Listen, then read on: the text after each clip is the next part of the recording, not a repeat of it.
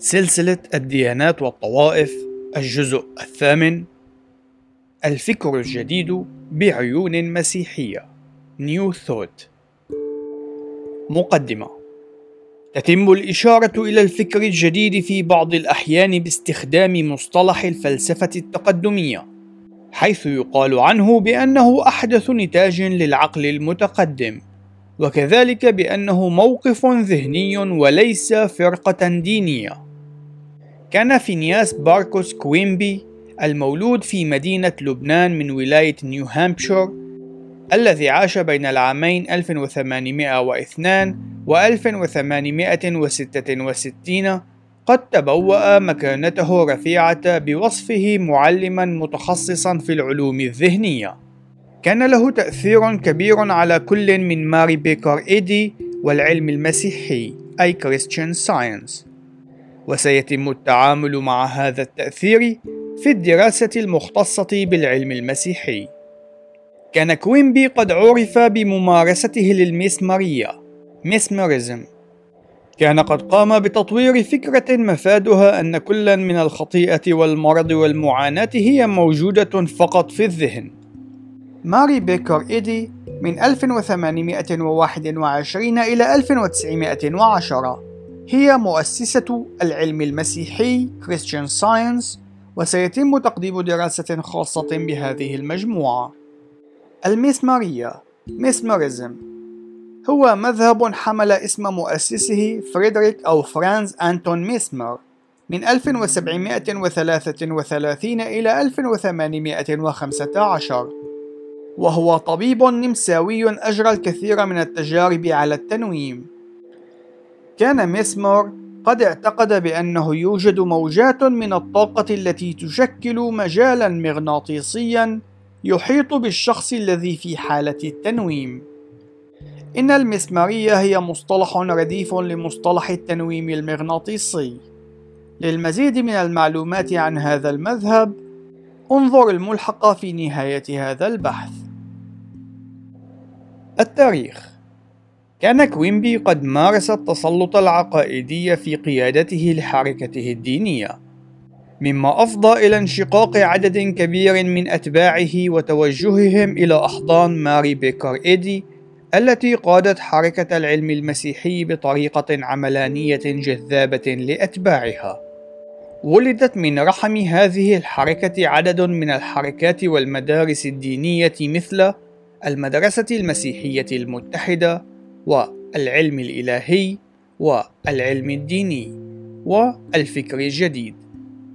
كانت المجموعة الأخيرة من هذه القائمة أي الفكر الجديد قد نالت زخما وحماسة كبيرين نتيجة لقيادة وكتابات وارين فيلت إيفانز من 1817 وحتى 1889 وكذلك يوليوس دريسر 1838 وحتى 1893 وابن الأخير المدعو هوراتشيو دريسر 1866 حتى 1954 وارين إيفانز القسيس الميثودي كان قد اختبر الشفاء على يد كوينبي في العام 1863 ومن ثم فإنه قد ابتدأ في تبني أفكار سويدنبورغ وكنيسة أورشليم الجديدة في كتاب بعنوان العصر الجديد ورسوله وذلك في العام 1863 تبع ذلك كتب أخرى مثل الشفاء العقلي في العام 1869 والدواء الذهني في العام 1872 وروح وجسد في العام 1876 حيث كانت هذه العناوين قد قامت بإظهار الأفكار المتبناة من سويدنبورغ وكوينبي أظهر إيفانز اهتماما واسعا بالسحر والتنجيم occult واستخداماته في الشفاء. إلا أن مساهمته الكبرى في مجال الفكر الجديد كانت من خلال الإيضاحات التي قدمها لمثل هذه الأفكار من خلال المقالات والدراسات التي نشرها. إن الترويج للحركات الناشئة لا يتم عادة من خلال الكتاب والمفكرين بقدر ما يتم من خلال أشخاص متخصصين بعلوم الخطابة والتواصل وهو الحال مع حركة الفكر الجديد التي كان المتحدث البارز لها هو يوليوس دريسر. بوصفه تلميذا لكوينبي قام مع زوجته أنيتا وابنه هوراتشيو بالترويج لأفكار كوينبي وقد قام بتحدي سلطان ماري بيكر إيدي واحتكارها لأفكار كوينبي في بوسطن وذلك عندما قام بالتعاون مع أتباعه بتأسيس كنيسة الحياة الأعلى ابتدأ مصطلح الفكر الجديد بالظهور إلى العلن ابتداء من العام 1980 وذلك بالتزامن مع صدور مجلة تحمل ذات الاسم. بعد ذلك انطلقت عدة حركات تحت مظلة الفكر الجديد في الأعوام 1895 و 1899 و 1914 إيمانويل سويدنبورغ من 1688 إلى 1772 عالم لاهوت لامع ادعى أنه قد تلقى رؤية للمسيح في أبريل من عام 1744 بحسب سويدنبورغ فإن المسيح قد خلصه من الذنب الذي كان قد شعر به نتيجة لإنجازاته الفكرية. في العام التالي تخلى عن اهتماماته العلمية وركز اهتمامه على علم اللاهوت بشكل كامل. كان هو المسؤول عن إنشاء كنيسة أورشليم الجديدة، التي أصبحت من أبرز مراكز الدعوة للفكر السويدنبورغي. لم يكن سويدنبورغ قد أسس بشكل شخصي أي كنيسة أو حركة دينية إلا أن أتباعه هم من فعلوا ذلك.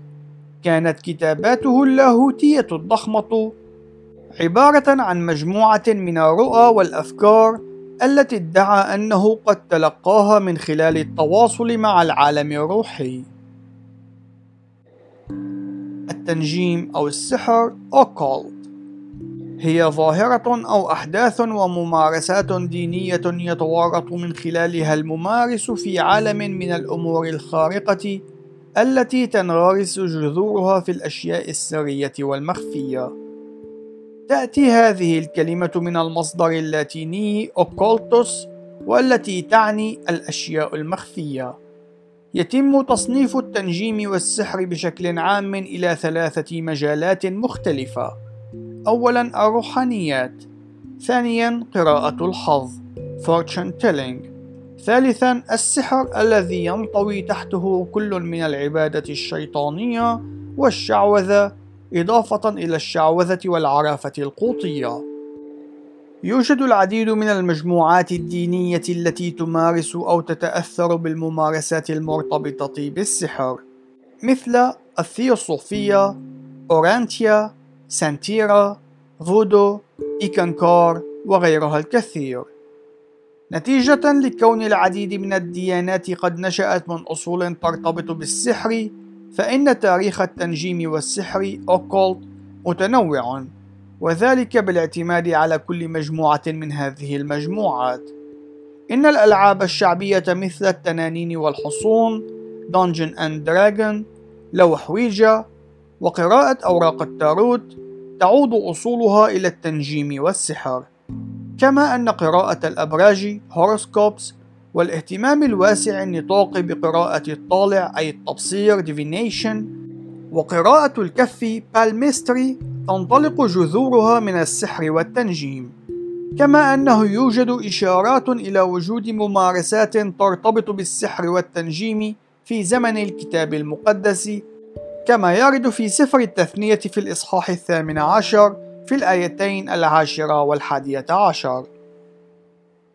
عنوان المنظمة تتواجد مراكز لحركة الفكر الجديد في خمس عشرة ولاية بالإضافة إلى مراكز في أنحاء مختلفة من العالم.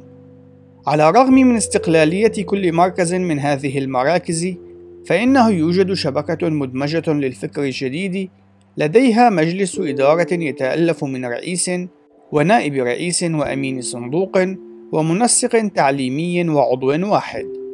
يمنح الأشخاص المنضمون إلى حركة الفكر الجديد أحقية التصويت، ويطلب منهم التمسك بتعاليم الفكر الجديد والمشاركة في الأنشطة المختلفة، بالإضافة إلى تبادل الأفكار والتعاون مع مختلف اللجان. عنوان: التعاليم تم في العام 1915 تأسيس الاتحاد العالمي للفكر الجديد. يلخص دستور هذا الاتحاد الأفكار الأساسية المتجذرة في الحركة النامية وهي أن يتم التعليم عن اللامتناهي الأسمى عن ألوهة الإنسان والإمكانيات غير المحدودة الناجمة عن القوة الإبداعية للتفكير البناء والاستجابة لصوت الحضور الساكن فينا الذي هو مصدر كل إلهامنا وقوتنا وصحتنا ورخائنا. إن حركة الفكر الجديد تتشابه مع الحالة العامة للعلوم الذهنية حيث تتخذ من الثنائية الأفلاطونية أساسا لأفكارها. من خلال الاعتقاد بتفوق العالم الروحي على العالم المادي قدم أفلاطون مفهوما عن الواقع كان قد سيطر على العالم الغربي طوال قرون. تم إعادة إنعاش الثنائية الأفلاطونية في القرن التاسع عشر وكانت نتيجة أن العصر ذو الفكر الرومانسي كان قد قدم الخلفية التي احتاجتها علوم الذهن لتزدهر. لم يكن من الممكن أن يتم قبول قناعات كوينبي القائلة بأن الأمراض والمعاناة موجودة فقط في الذهن إلا خلال عصر تسود فيه فكرة التشعب بين المادة والروح. وهو الوضع الذي لا يزال سائدا حتى اليوم. لقد أصبح الفكر الذي أسس له سويدنبرغ الذي يعرف باسم السويدنبورغية بالإضافة إلى الفكر المثالي الألماني والفلسفة المتسامية الأمريكية عبارة عن شهادات واضحة على حقيقة أن العلامة السائدة في ذلك العصر هي أنه عصر الروح. اعتقد أتباع كوينبي بأن دور العالم المادي كان محدودًا، وقد كان أنصار حركة الفكر الجديد يتبنون معتقدات متباينة إلى درجة كبيرة مما زاد صعوبة وضع تقييمات دقيقة أو منهجية. النظرة الثنائية dualism مصطلح يستخدم لوصف التشعب الغنوصي والأفلاطوني الحديث بين الروح والمادة. وكبديل عن النظرة التوافقية إلى الجسد أو الجسد والروح على أنهما منسجمان يعتقد أصحاب النظرة الثنائية أن الجسد والروح هما في حالة من الحرب بعضهما مع بعض. إضافة إلى ذلك يتم النظر إلى الجسد على أنه شر ويعمل ضد الروح. كان المانويون يمتلكون نظرة ثنائية. وقد تأثرت التقاليد النسكية داخل الكنيسة المسيحية بالميول الثنائية. ويوجد العديد من الشيع والفرق الدينية المعاصرة التي تتبنى النظرة الثنائية بشكل أو بآخر. إلا أن المسيحية التقليدية ترفض النظرة الثنائية التي تقول بأن الجسد أو الخليقة هي شريرة في حين أن الروح هي صالحة. بل تقول بأن كل الخليقة حسنة جدا لأن الله هو من خلقها ابتداء من التكوين في الإصحاح الأول والآية الأولى. كما أن الكتاب المقدس يعلن أن الخطيئة شر كما يرد في رسالة روميا في الإصحاح السابع عشر في الآية السابعة وليس الجسد أو المادة. الفلسفة التجاوزية المتسامية. transcendentalism وهي حركة انبثقت من النادي التجاوزي الذي نشأ في ولاية ماساتشوستس في منتصف القرن التاسع عشر وكان من بين أشهر أعضائها كل من ثيودور باركر ورالف والدو إيمرسون وهنري ديفيد ثورو. لقد رفضت هذه الحركة التنوير ذو الطبيعة الفاترة للحركة العقلانية وذلك من خلال المزج بين الباطنية الصوفية والحركة الخيالية الرومانسية. وكانت مبادئها رئيسية قائمة على أن الله هو جوهري وأنه يمكن الوصول إلى الحقيقة من خلال الحدس عوضا عن العقلانية. وكذلك بوجوب رفض جميع التعاليم الدينية التي تقوم على أسس عقائدية. كان ثورو من أبرز المدافعين عن الفلسفة التجاوزية وقد قدم أطروحة عن الفكر التجاوزي في كتابه الذي يحمل عنوان والدن الذي يعود إلى العام 1854 حيث كتبه إثر انسحابه من المجتمع وانتقاله إلى الحياة في الطبيعة. عنوان فرعي الحقيقة أحد المعتقدات التي يتوافق على صحتها دعاة الفكر الجديد هو أن البحث عن الحقيقة هو عملية مستمرة. في هذا الخصوص نجد أن حركة الفكر الجديد تتوافق فكريًا إلى درجة كبيرة مع فكر الجمعية الشمولية أي الكونية الموحدة Unitarian Universalist Association أكثر من توافقها مع العلم المسيحي Christian Science إذ يعتقد العديد من أتباع ماري بيكر إيدي بأن الإعلانات كانت حقائق مطلقة وغير قابلة للتغيير يتفق المسيحيون التقليديون مع جميع المجموعات السابقة من ناحية كون الفرضية الأساسية للحقيقة هي أن الله هو مصدر كل الحقيقة. إن الحقيقة التي أعلن عنها قد نقلت من خلال التصريحات البيانية في الكتاب المقدس الذي يجسد تاريخ إسرائيل وإعلان إنجيل يسوع المسيح. وهو الذي ادعى بأنه هو جوهر الحق المتجسد بكليته. فقال: أنا هو الطريق والحق والحياة ليس أحد يأتي إلى الآب إلا بي هذا ما يرد في الآية السادسة من الإصحاح الرابع عشر من إنجيل يوحنا. لقد تم الكشف عن جميع الحقائق اللاهوتية بشكل كامل ونهائي في الأسفار المقدسة. عنوان فرعي الله. إن الله بحسب معتقد الفكر الجديد هو كلي الوجود. إنه إله حاضر في الطبيعة وفي الحياة الكونية وفي الذكاء والطاقة. هو يعم الكون ويتغلغل فيه ويوجد له دلالة أو ظهورا في كل كيان مخلوق. قد يلاحظ المرء جوانب من الألوهة في جميع الأشياء. على نقيض من المسيحية التقليدية التي تحافظ على التوازن بين الحضور الكلي لله وبين سموه وتمايزه عن الخليقة فإن هذا التمايز يغيب عن معتقد الفكر الجديد. الحضور immanence يستخدم اللاهوتيون المسيحيون هذا المصطلح ليشير إلى قرب الله من خليقته وهو مصطلح يتميز عن السمو.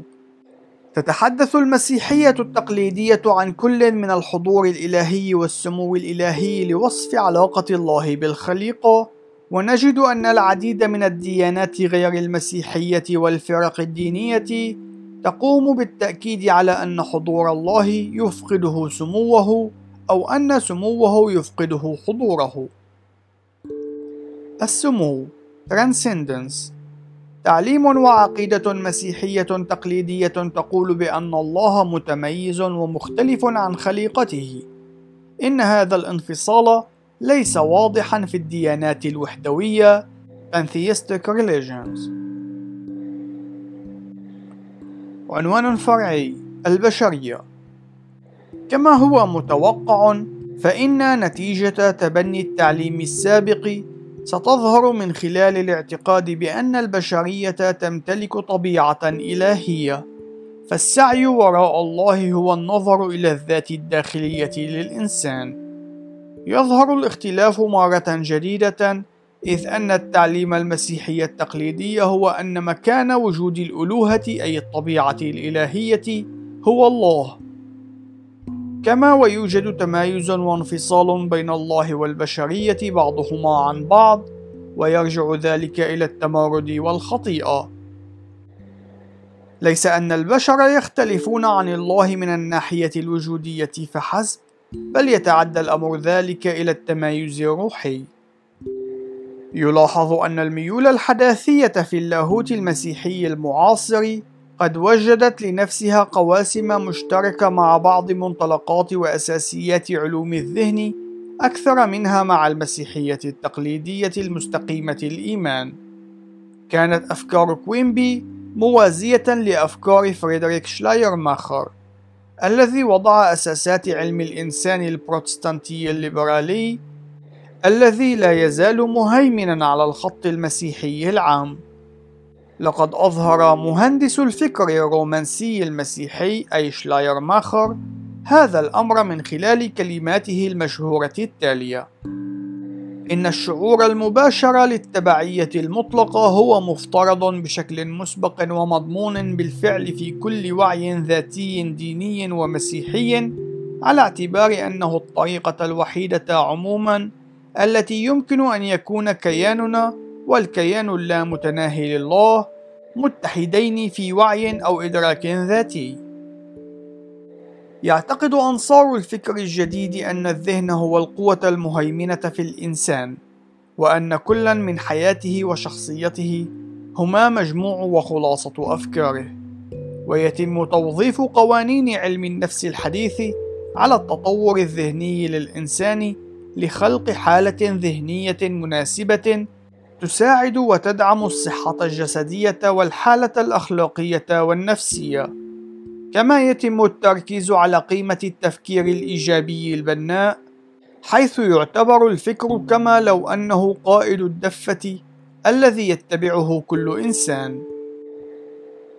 الفكر يقوم بتحديد الشخصية ويوفر المثل والأخلاق، ومن ثم فإن العقل الباطن يقوم بإظهارها. إن كل فكرة تصدر عن الذهن تتسبب باجتذاب أفكار مشابهة لها سواء كانت إيجابية أو سلبية. إن هذا القانون يعتبر يقينيا كما هو حال قانون الجاذبية.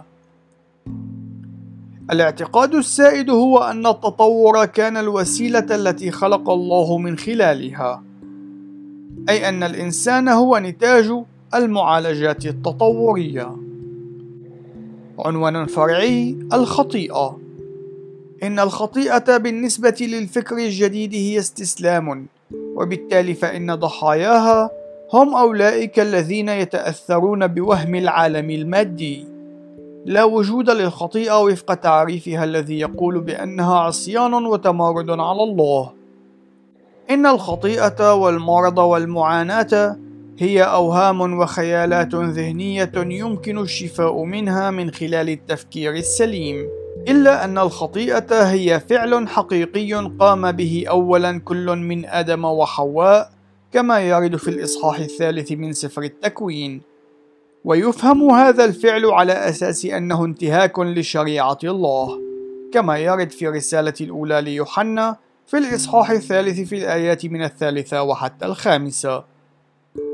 وهو الفعل الذي كفر عنه المسيح من خلال موته الكفاري على الصليب. هذا ما يرد في رسالة بطرس الأولى في الإصحاح الثاني في الآية الرابعة والعشرين. عنوان فرعي الجحيم. يعتقد أنصار الفكر الجديد بأن الجحيم هو حالة ذهنية أو ضمير مصاب بالوهم أو الذنب. بذلك يشذون عن التعليم المسيحي التقليدي الذي يقول بأن الجحيم هو مكان العذاب الأبدي لغير المؤمنين والأشرار. عنوان فرعي المسيح والخلاص يؤكد دعاة الفكر الجديد على أن يسوع كان معلما وبأنه كان قد علم بشكل متكرر بأن اقتباس ملكوت الله داخلكم. نهاية الاقتباس. إنهم يرفضون بشكل قاطع أن يكون يسوع اقتباس المسيح ابن الله الحي. نهاية الاقتباس. أو أن يكون الطريق الوحيد للخلاص. إن الخلاص بحسب هذا الفكر ليس ندما وتوبة أمام الله من أجل الحصول على مغفرة الخطايا والوعد بالحياة الأبدية. بل هو اكتشاف للألوهة الكامنة في داخل المرء يتشابه تعليم هذه الحركة مع المسيحية في أن الخلاص يعرض للجميع ولكن في الفكر الجديد فقط أولئك الأشخاص المميزون من الحركة سيتحصلون على المعرفة الغنوصية للتمييز بين العالمين الروحي والمادي. الغنوصية Gnosticism يشتق اللفظ من الأصل اليوناني gnosis الذي يعني المعرفة. وقد شكل الغنوصيون في القرن الميلادي الثاني شيعة دينية دافعت عن امتلاك معرفة سرية حيث ادعى أنصارها أن هذه المعرفة تجعلهم متفوقين على المسيحيين العاديين. وقد شكل الغنوصيون في القرن الميلادي الثاني شيعة دينية دافعت عن امتلاك معرفة سرية حيث ادعى أنصارها أن هذه المعرفة تجعلهم متفوقين على المسيحيين العاديين. نشأت هذه الحركة من فلسفات وثنية سبقت المسيحية وانطلقت من بابل وسوريا واليونان. وقد امتلكت الغنوصية تأثيرا كبيرا في الكنيسة المبكرة وذلك من خلال الجمع بين الفلسفة الوثنية وبعض السحر أو التنجيم والديانات الغامضة اليونانية بجانب العقائد الرسولية المسيحية. تشكل النظرة الثنائية الديواليزم الفرضية الأساسية للغنوصية، حيث أن الآب الأسمى قد انبثق من عالم الروح الصالح، ومنه انبثقت كائنات محدودة متعاقبة وهي الأيونات. واحدة من بين هذه الأيونات هي صوفيا، التي أنجبت خالق الكون المادي الله الخالق وقد خلق هذا الإله الخالق العالم المادي وبالتالي خلق الشر إضافة إلى جميع الأشياء العضوية وغير العضوية التي تشكله. علم الغنوصيون المسيحيون من أمثال مارقيون المتوفى حوالي العام 160 للميلاد وفالنتينوس أن الخلاص يأتي من أحد الأيونات أي المسيح الذي أتى خلسة عن قوى الظلام الشريرة لينقل المعرفة السرية أي نونسز ويحرر الأرواح النورانية الأسيرة من العالم المادي الأرضي إلى العالم الروحي الأسمى. على الرغم من أن المسيح قد ظهر كإنسان إلا أنه لم يتخذ أبدا جسدا بشريا. وبالتالي فإنه لم يختبر العواطف البشرية أو الضعف البشري. تشير البعض من الأدلة إلى نشوء شكل أولي من الغنوصية في العصر الرسولي حيث أنه كان محور العديد من رسائل العهد الجديد مثل كولوسي ورسائل الرعوية ويوحنا الأولى. يظهر الجدل الأكبر المضاد للغنوصية من خلال كتابات إيريناوس حوالي العام 130 إلى 200 ميلادية وترتليانوس بين العامين 160 وحتى 225 ميلادية وهيبوليتوس الرومي بين العامين 170 وحتى 225 ميلادية. وقد وصف الغنوصيون بالهراطقة ولطالما تم اعتبارهم كذلك من قبل المسيحيين المستقيمي الإيمان الأوائل. وتخضع الغنوصية حاليا إلى الكثير من الأبحاث وخاصة بعد الاكتشافات التي وجدت في نصوص النجاح حمادي في مصر بين العامين 1945 و 1946 تدعي العديد من الفرق الدينية والمجموعات التي تتبع السحر والتنجيم امتلاكها بعض التأثر بالغنوصية القديمة. الخلاصة يميل الأشخاص الذين ينجذبون إلى عقائد الفكر الجديد إلى نهج فكري وفلسفي للدين. ولا يزال الفكر الجديد أحد الأديان النشطة من علم الذهن. الملحق المسمارية مسماريزم. خلال القرن الثامن عشر كان العديد من ممارسي الطب يعتقدون بارتباط العلم بالتصوف والفولكلور. وظهر ادعاء بين الممارسين الأوروبيين بوجود قوة علاجية خاصة للأحجار المغناطيسية. قام الطبيب النمساوي فريدريك أو فرانز أنتون ميسمر 1733 إلى 1815 بتكييف هذه النظرية لتكوين مصطلح جديد وهو مغناطيسية الحيوان وهو ما قام بتعريفه وتحديده على أساس أنه سيل غير مرئي يتدفق من الشمس والقمر والنجوم والحيوانات والحديد. كان ميسمر قد اعتقد أن المرض ينتج عن اختلال التوازن المغناطيسي لدى الشخص المريض وكان العلاج المقترح ينطوي على استخدام قضبان حديدية وعصية مغناطيسية لتوجيه السيل المغناطيسي العلاجي نحو المريض. تترافق هذه الجلسات العلاجية في الغالب مع دخول المريض في حالة من الغيبة أو النشوة العميقة.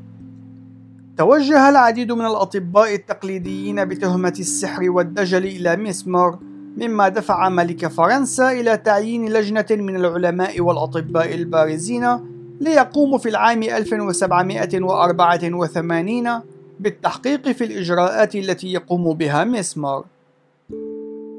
بعد مراقبة جلسات الشفاء خلصت اللجنة إلى أنه لا يوجد أي سيل مغناطيسي بالإضافة إلى كون الآثار الشفائية التي يتم الإبلاغ عنها إنما هي بسبب الإيحاءات والتخيلات فقط. على الرغم من أن نظريات ميسمر كانت تحتوي على عيوب خطيرة إلا أنها فتحت الأبواب أمام المزيد من الدراسات والفحوصات عن طبيعة وتأثير الغيبة أو النشوة. فنجد أن تلميذ ميسمر الأسبق المدعو ماركيز دي بويسيغور كان قد طور ممارسة السير أثناء النوم المصطنعة أي الروبصة من خلال إحداث نشوة عميقة تحت تأثير التنويم. وانتهى به الأمر بتقديم العديد من الادعاءات عن وجود قوى وعلاجات معجزية. كشفت الدراسات الشاقة التي قام بإجرائها عن محدودية سيطرة المعالج على المعالج، وهي المقيدة بإرادة وقرارات الأخير، حيث أن الغيبة أو النشوة كانت تنتهي بشكل مفاجئ عند طلب ارتكاب فعل أو عمل يعتبره المعالج غير أخلاقي. كان الراهب البرتغالي آبي خوسيه دي فاريا الذي درس مع بويسيجور قد رفض فكرة المغناطيسية الحيوانية وقدم تعريفا للنشوة على أساس أنها حالة من النوم العميق التي تنتج عن التركيز العلاجي. كما اكتشف أنه من الممكن للمرضى في حالة النشوة أن يكونوا أقل حساسية للألم الناجم عن الجراحة، وقد قام العديد من الأطباء باستخدام هذه الظاهرة ليحققوا بعض النجاحات. كان لاكتشاف الكلوروفورم ومحلول الإيثر وبعض المواد التخديرية الأخرى الدورة الرئيسية في تقليل استخدام التنويم في الطب. بعد أن تم تعديل وإعادة تعريف العديد من أفكار ميسمر قام الباحث البريطاني جيمس برايد في القرن التاسع عشر بإسقاط كلمة المغناطيسية ماغنيتيزم واستخدام كلمة التنويم هيبنوسيس المأخوذة من الأصل اليوناني هيبنوس الذي يعني النوم. وقد قدم اقتراحات تفيد بأن حالة المشي أثناء النوم أي روبصة أو الغيبة أي النشوة إنما هي ناجمة عن تغيرات في الجهاز العصبي للجسم وليس لها ارتباط بوجود سيل غير مرئي. تابع الممارسون الطبيون التقليديون مناقشة القيمة العلاجية للتنويم hypnosis. قام طبيب الأعصاب الفرنسي جان مارتن شاركو بربط الأمر بالاضطرابات الهستيرية التي لا يتم ملاحظة وجود مسببات جسدية لها. وقد ادعى أن التنويم هو عبارة عن عصاب مستحث بشكل صناعي لا يمكن توجيهه إلا إلى الأشخاص من ذوي الحساسية المفرطة وغير المتوازنين والضعفاء. في المقابل من ذلك، جادل أوغست ليبولت وهيبوليت بيرنهايم بأن قوة الإيحاء على العقل البشري هي عالية جدا ولا تؤثر فقط على المرضى الضعفاء بل على الأشخاص العاديين أيضا في القرن العشرين تراجع اهتمام سيغموند فرويد بالتنويم بعد أن جذب إليه وحاول استخدامه لإزالة الأعراض الجسدية والأفكار والذكريات المزعجة.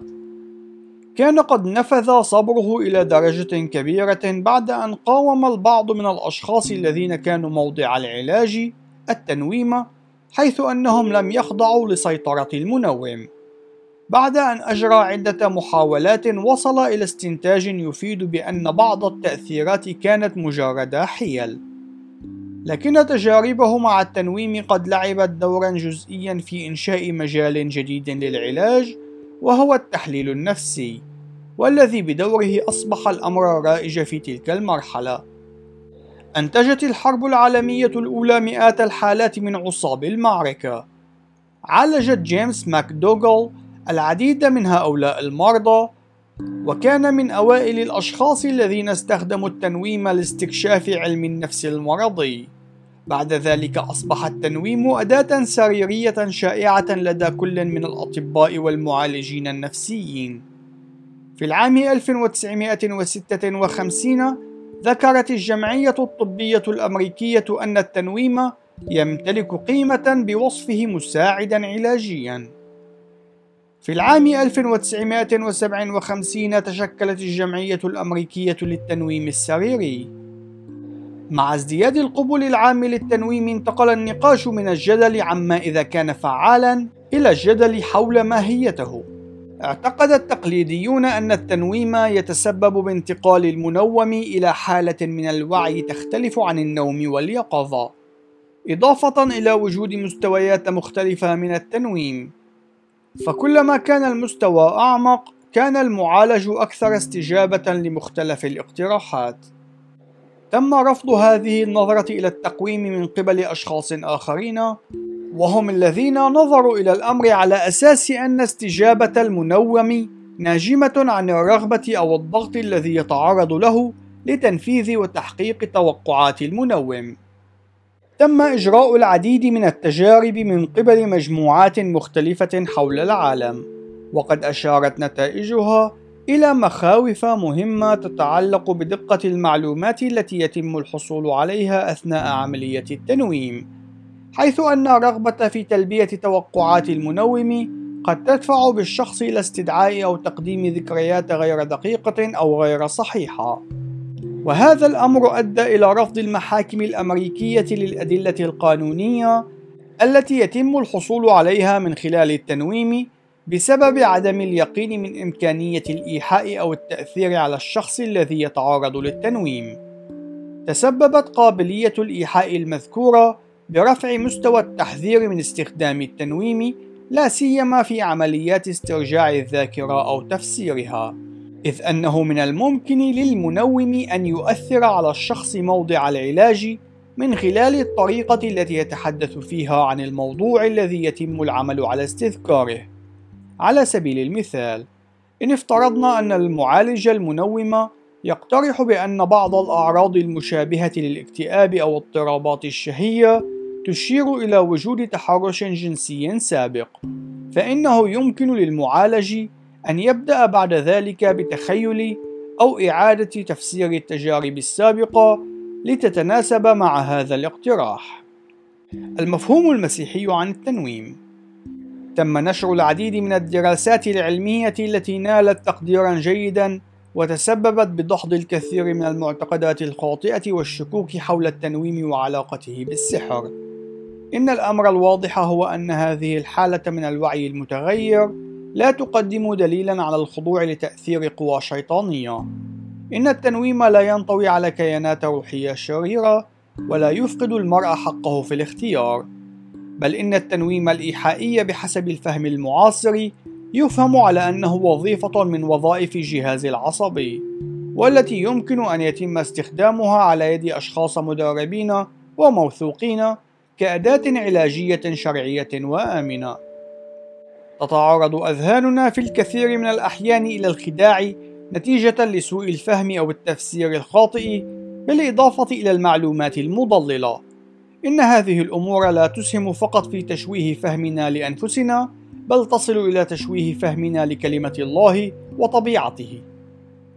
يعلن داود في المزمور الواحد والخمسين في الآية السادسة قائلا اقتباس ها قد سررت بالحق في الباطن ففي السريرة تعرفني حكمة نهاية الاقتباس من الواجب علينا ألا نقوم بتجاهل عقولنا اللاواعية حيث أن ذكرياتنا المكبوتة أو المخفية بالإضافة إلى سوء التفسير تستمر في تشكيل معتقداتنا وسلوكياتنا وإعاقة نمونا باتجاه النضج الروحي.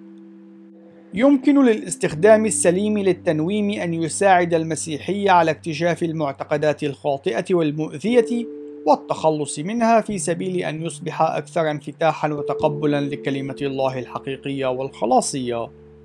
يمكن للتنويم أن يكون أداة فعالة في التنبه لنصيحة بولس الرسول التي أعطاها للمؤمنين في رسالة روميا في الإصحاح الثاني عشر في الآية الثانية لكي يتغيروا عن شكلهم بتجديد أذهانهم ليختبروا ما هي إرادة الله الصالحة المرضية الكاملة.